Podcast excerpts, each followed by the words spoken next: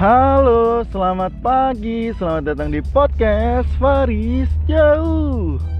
Masih bersama Faris Jauh yang akan pergi ke kantor sambil berpodcast Ria, membahas hal random namun santai. Hari ini gue punya topik yang buat gue pengen gue bahas sambil berangkat ke kantor yaitu merasakan sekolah super cepat. Pernahkah kalian merasakan sekolah super cepat? Jadi sekolah super cepat itu bukan kayak kalian berangkat pagi pulang jam 10 pagi ya. Bukan pulang cepat, bukan, tapi ini sekolah super cepat. Jadi durasinya yang cepat. Kalau misalnya lu SMP atau SMA gitu ya, menikmati pendidikan eh, 3 tahun. Nah, di program sekolah super cepat ini kalian hanya melewatkan uh, pembelajaran dua tahun saja. Jadi kalian ada satu tahun yang hilang. Tapi tapi uh, kalian dianggapnya lulusan juga kayak gitu. Malah kalian bisa lulusnya bareng senior-senior kalian gitu ya. Nah, sekolah super cepat ini di zaman gua biasanya disebut uh, dengan program akselerasi. Walaupun sekarang uh, semenjak perkembangan zaman kayaknya sekolah akselerasi ini sudah tidak ada lagi programnya. Gue nggak tahu masih ada atau enggak ya. Tapi sependengaran gue, kalau melihat berita sih udah nggak ada program akselerasi. Gue merupakan anak yang terpilih untuk ikut program akselerasi di saat gue menduduki uh, bangku SMP gitu ya. Gue bukan anak yang terpilih karena gue cerdas. Gue juga nggak merasa uh, cerdas atau pintar dalam sebuah bidang pembelajaran tertentu gitu ya. Karena bagi gue yang namanya sekolah dan belajar ya gitu-gitu aja gitu. Yang gue tunggu adalah main sama ngobrol sama temennya datang ke sekolah rindu sama temennya dan gue akan mulai dari awal gue bercerita bagaimana gue bisa sampai ikut program akselerasi di SMP pada saat gue masuk SMP gitu ya uh, di suatu sekolah uh, semua siswa baru kelas 1 SMP harus mengikuti tes untuk program akselerasi ini. Gua nggak ngerti apa, tapi yang gua tahu tes pada saat itu adalah tes psikotes kayak gitu. Oke, gua pulang ke rumah, terus gue bilang sama nyokap gua, mah, aku disuruh ikut tes nih semua anak-anak kayak ujian. Tes apa? Namanya sekolah akselerasi. Oh gitu. Tesnya apa? Katanya tesnya sih tes IQ gue ngomongin nggak psikotes ya pada saat itu. Tesnya tes IQ gue nggak ngerti tes IQ itu apa. Akhirnya nyokap gue bilang ya udah nih kita ke Gramedia. Kita beli buku tes IQ intinya nyokap gue tuh pengen ngasih tahu ke gue ini loh yang namanya tes IQ cuman kayak gitu. Akhirnya gue isi. Kok tes IQ seru ya? Jadi kayak misalnya ya kayak tes IQ pada umumnya lah. Kayak lu mencocokkan ini titik satu terus dua ini satu berikutnya apa? Dua gitu kan. Model kayak gitu. Ih seru kayak main game gue bilang kayak gitu. Gue coba-coba gue coba-coba-coba gue isi untuk sebagai persiapan aja. Nyokap gue nggak suka kalau misalnya gue kayak mengikuti suatu ujian apalagi gue tahu ujiannya tapi gue nggak mempersiapkan itu. Intinya gue disuruh belajar tapi belajarnya nggak yang sekeras itu ya. Karena kan ini kalau misalnya lu nggak lulus dari ujian itu nggak ada masalah lu tetap sekolah di situ gitu. Cuman si sekolah pengen mengkurasi aja. Ada nggak nih anak-anak yang masuk kategori bisa ikut program akselerasi? Tes pun tiba gue kerjain habisnya besok uh, teman-teman gue tuh bilang seminggu kemudian hasilnya udah muncul. Gue adalah orang yang paling males buat ngeliat kayak gitu karena gue ya udahlah kayaknya gue nggak lolos ngerasa kayak gitu juga. Gue ngerasa bisa ngerjain tapi gue kayak nggak ngerasa pede gue lolos. Apalagi kan banyak gitu ya anak kelas 1 kelasnya A B C D E F gitu ya hampir 200 orang sampai 300 ya udahlah. Temen gua juga yang berangkat dari SD yang sama bilang ayo Riz lihat segala macam. Nah di situ masih baru banget sama yang namanya anak kelas 1 baru masuk habis ospek terus habis itu baru kenal teman-teman jadi gue lebih seru ngajak teman-teman gue ngobrol kenalan segala macam. Sampai akhirnya temen gue nyeletuk. Riz nama lu muncul. Hah? Muncul gimana? Gue kan nggak tahu ya bayangan lolosnya kayak gimana. Itu muncul di list anak yang masuk program akselerasi. Panik lah gue kayak gitu. Gue ngeliat hah? Serius lu? Kayak gue biasa aja deh. Udah coba lu lihat dulu sana kayak gitu. Gue nggak tahu bayangan kayak gimana terus gue lihat ternyata ada di mading sekolah. Jadi berjejer nama urutan dari yang nomor satu yang paling tinggi bagus IQ-nya sampai yang paling rendah. Gue kaget men. Gue nomor 5 dari 30 orang yang terpilih di program akselerasi dari 300 anak yang ikut tes karena semuanya kan. Dan di situ gue ngeliat anjir kok gue tinggi banget IQ gue kayak gue cuman baca-baca doang ini buku psikotes nggak yang dibelajarin kayak menghafal biologi atau fisika gitu enggak. Langsung lah kok bisa? Ya udah akhirnya uh, setelah itu muncul uh, besoknya gue tetap masuk sekolah kayak biasa hingga akhirnya guru-guru wali kelas setiap uh, sekolah memberikan surat ke gue yang intinya adalah gue disuruh untuk uh, memberikan surat ini sebagai anak yang lulus program akselerasi ke orang tua. Dan gue juga dikasih tahu bahwa gue sudah bukan bagian kelas reguler gue sekarang. Gue bilangnya reguler ya reguler gue sekarang yang gue tempatin gitu.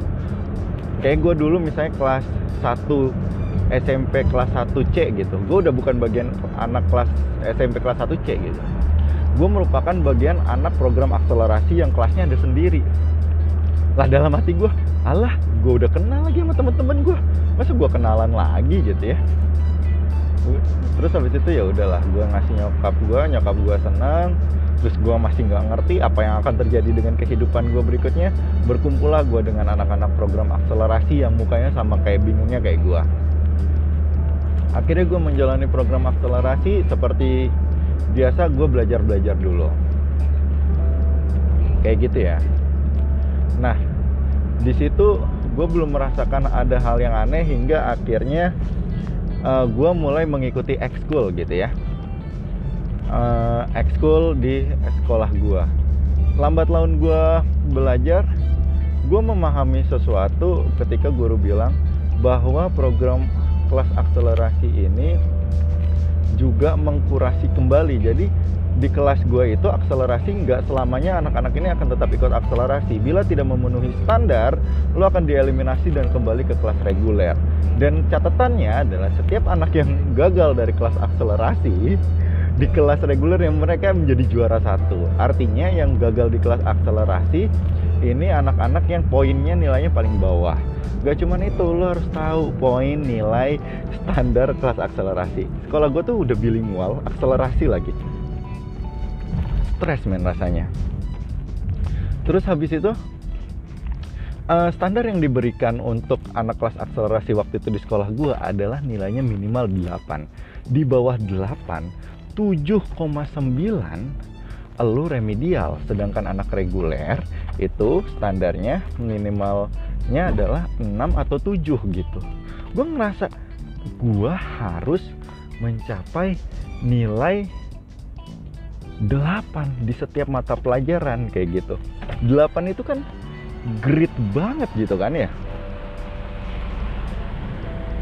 Gimana sih kayak lu ngeliat lu dapet 6 atau 7 aja udah bagus dan ini udah dipaksa semuanya untuk 8 di situ baru gue ngerasa nightmare-nya tuh kerasa banget gitu ya untuk ukuran anak SMP yang lagi pengen main gue juga mulai nggak bisa ikutin ekskul gue karena gue harus ikut tutor kelas setiap hari kayak gitu.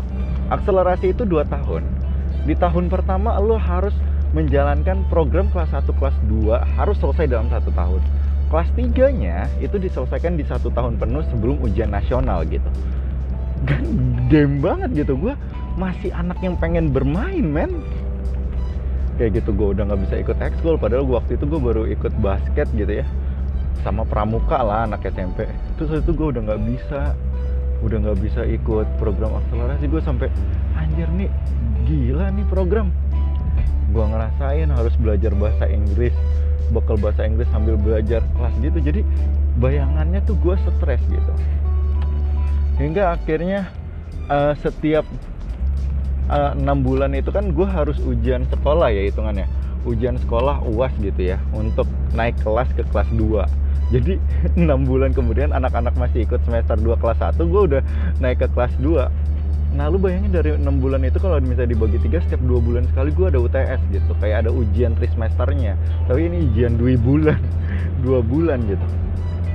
Gua pertama kali tuh baru ngerasain juga siksanya adalah gue pernah ada pelajaran matematika gitu ya.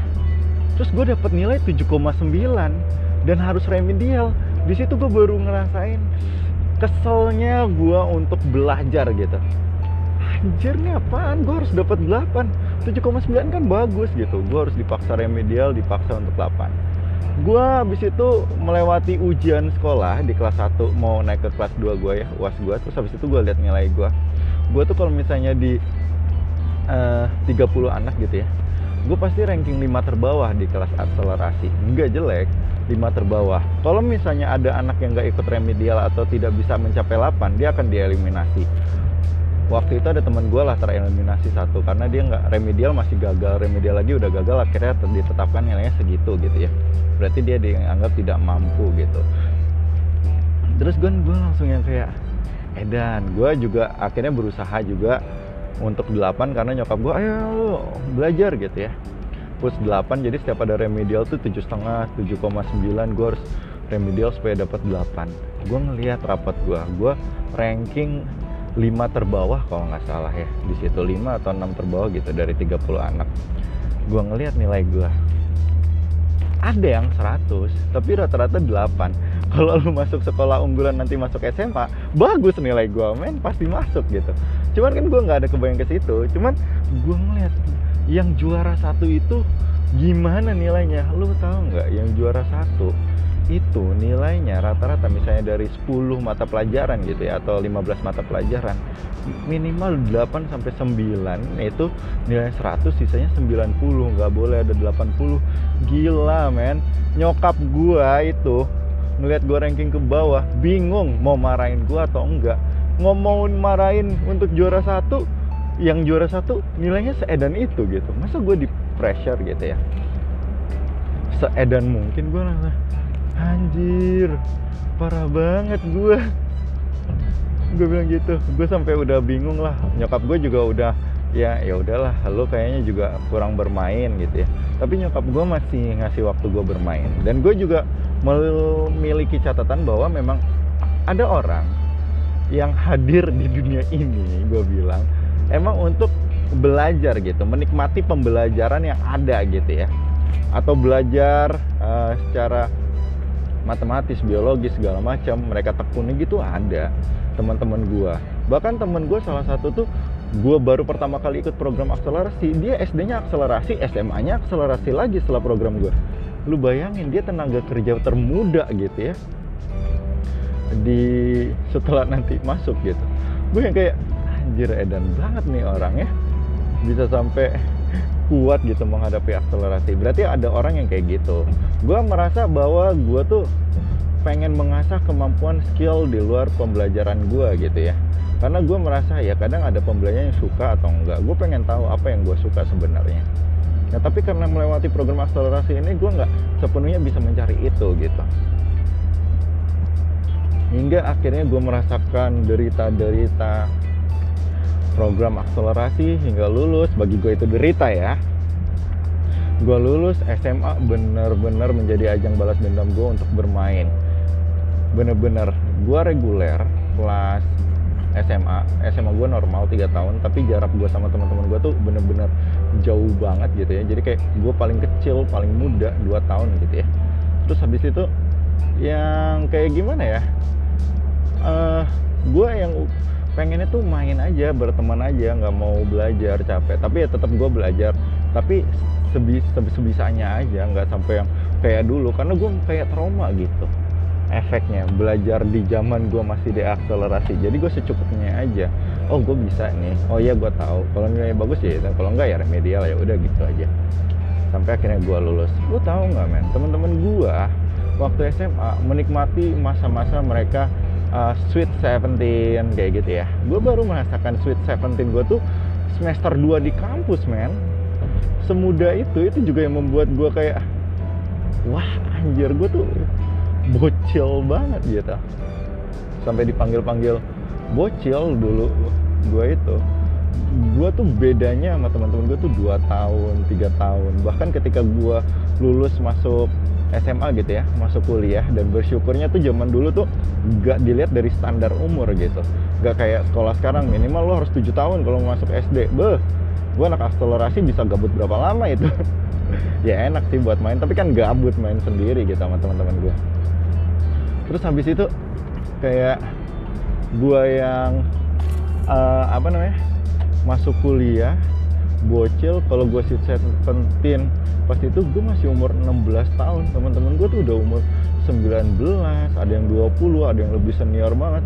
Gue tuh jadi kayak paling kecil masih mau bermain. SMA gue pakai buat main eksplorasi kuliah apalagi buat main eksplorasi. Tapi intinya waktu pas kuliah gue lebih kayak karena memilih untuk masuk manajemen gitu ya waktu kuliah.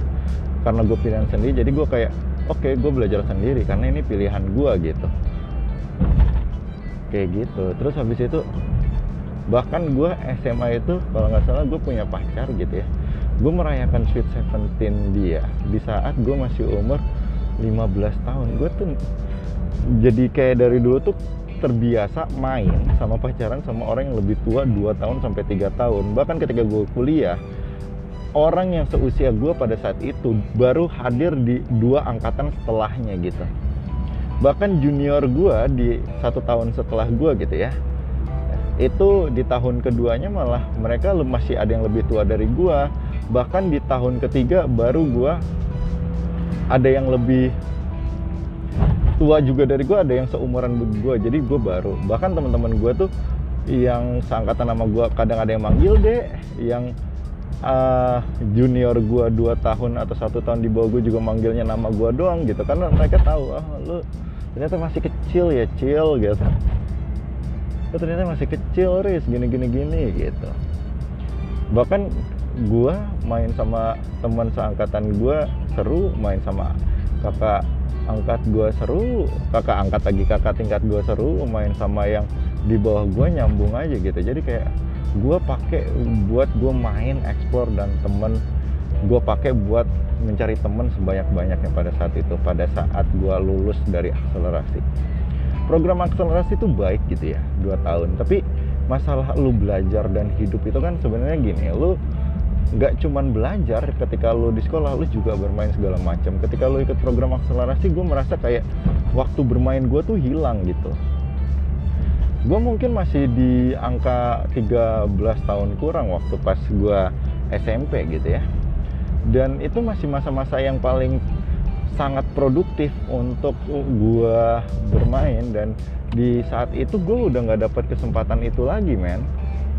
Kayak hilang aja gitu. Gue mau main gak sempet harus ngerjain PR gini gitu. Bahkan gue tuh sebelum berangkat sekolah gue biasanya gini gue udah ngantuk gitu ya jam 9 udah masih belajar masih banyak PR jam 10 gue tidur terus subuh dibangunin namanya nyokap gue sebelum berangkat ini untuk nyelesain PR gue bayangin sampai segitunya. Kalau orang kayak gue ya pada saat itu uh, udah tahu gue gue pengen main atau mengeksplor diri gue nggak di bidang saintis atau matematis kayak gitu ya di bidang pembelajaran eksak kayak gitulah. Gue kesel men marah karena waduh teman-teman gue tuh pada achieve di something yang gak harus pendidikan gitu. Karena kan gue nggak tahu dikasih tahu dan gue nggak dikasih pilihan gitu sama nyokap gue ya udah lu coba aja. Walaupun gue punya teman-teman dari akselerasi tapi ya men lu punya sekolah SMP tapi kenapa lu harus berdiam diri dan bersantai diri di ruang lingkup yang sekecil satu kelas isi 30 ketika lu bisa berteman dengan 900 orang dari kelas 1 kelas 2 kelas 3 gitu. Kenapa? Di situ gue selama bete banget sebenarnya. Pembelajaran juga banyak lu dari bermain dari sharing dari ngobrol gitu. Banyak waktu yang lu harus gunakan untuk bermain gitu kan main PS kayak main apa main bola main futsal main basket apalagi di usia kayak gitu mungkin lu akan menentukan minat dan bakat lu juga gitu ya. Terus itu yang membuat gue juga pas SMA mulai banyak ikut aktivitas juga. Itu satu. Terus yang kedua gue juga uh, lebih banyak bermain. Jadinya gue B, B aja standar-standar aja gitu ya. Baru kuliah gue mulai ngerasain gas lagi mungkin kalau misalnya orang lain yang ngerasain kayak gue malah bisa impactnya gue tuh jadi kayak traumatis gitu. Kayak mau belajar tuh traumatis. Mungkin aja gitu. Gue juga nggak tahu adanya nggak orang yang gila gitu karena belajar di pus belajar.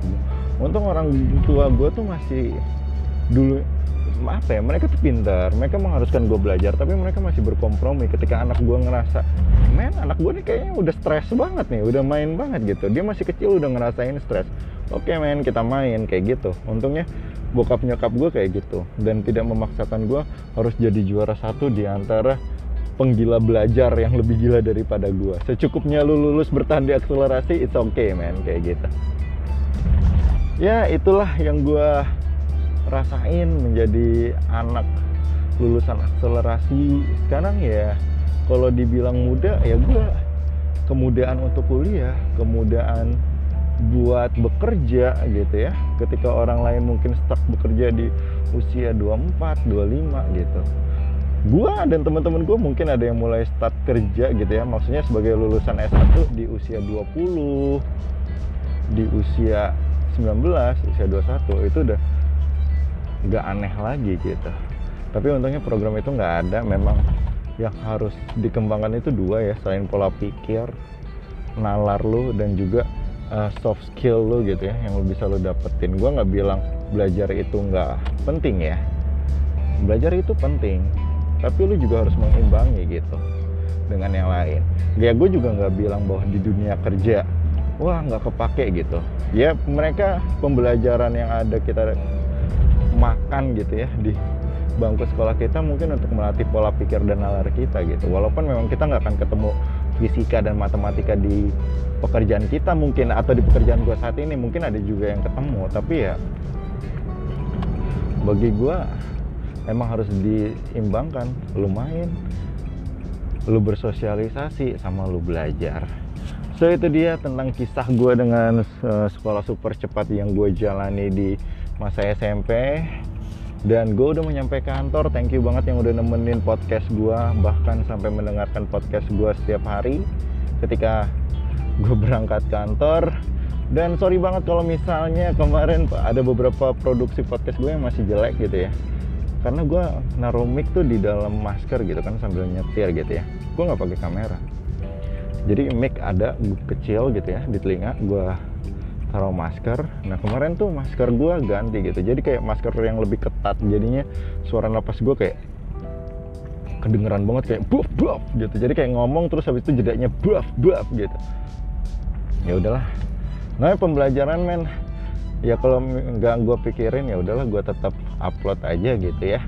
Kali aja ada yang dengerin ada yang bersabar mendengarkan suara napas gue yang bergema itu So thank you. Gue udah mau nyampe kantor. Thank you banget yang buat dengerin Yang sudah dengerin juga. Sampai jumpa di podcast gue episode berikutnya. Dadah